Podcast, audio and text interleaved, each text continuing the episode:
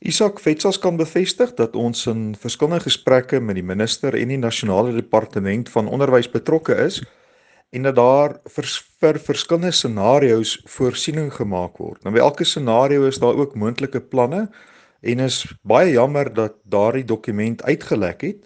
Dit was inderdaad deel van 'n uh, vertroulike gesprek wat die departement met verskillende rolspelers gehad het as een van die moontlike scenario's sou die inperkingstydperk dan net tot 'n einde kom en die die skoolstelsel sowel as besighede dan nou stelselmatig sou open.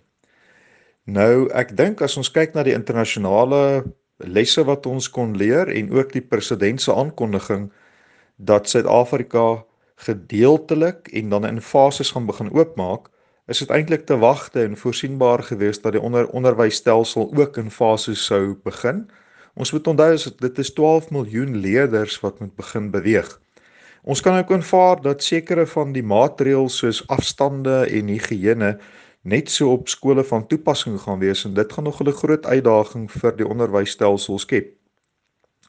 Ons is baie beïndruk met die leierskap wat die minister en die adjunkminister en die senior personeel in die departement wys en ook die insigte wat hulle het oor wat gedoen moet word om seker te maak dat die akademiese jaar voltooi gaan word.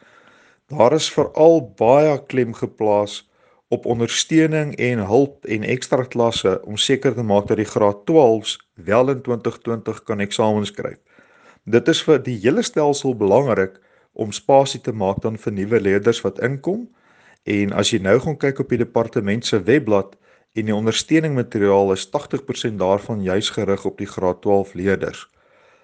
Ek dink is egter belangrik dat die Suid-Afrikaanse gemeenskap en veral ouers nie paniekerig raak oor die verskillende dokumente wat in in in omgang is nie. Ek dink dit is belangrik om te wag dat daar 'n finale aankondiging van die minister self kom oor die proses en sy kan eers 'n aankondiging maak nadat die departement van gesondheid tevrede is met die met die departement se planne en dit so deur die kabinet goedgekeur is.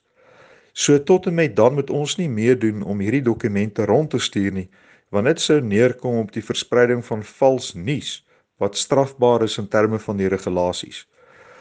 Ehm um, FETSAS se webblad www.fetsas.org.za kan as inligtingspunt gebruik word. Daar is 'n skakeltjie vir hulpbronne vir skole en onderwysers en leerders waar jy klomp inligting kan kry nie net oor die regulasies nie, maar spesifiek oor wat skole in hierdie tyd kan doen om seker te maak dat onderrig voortgaan.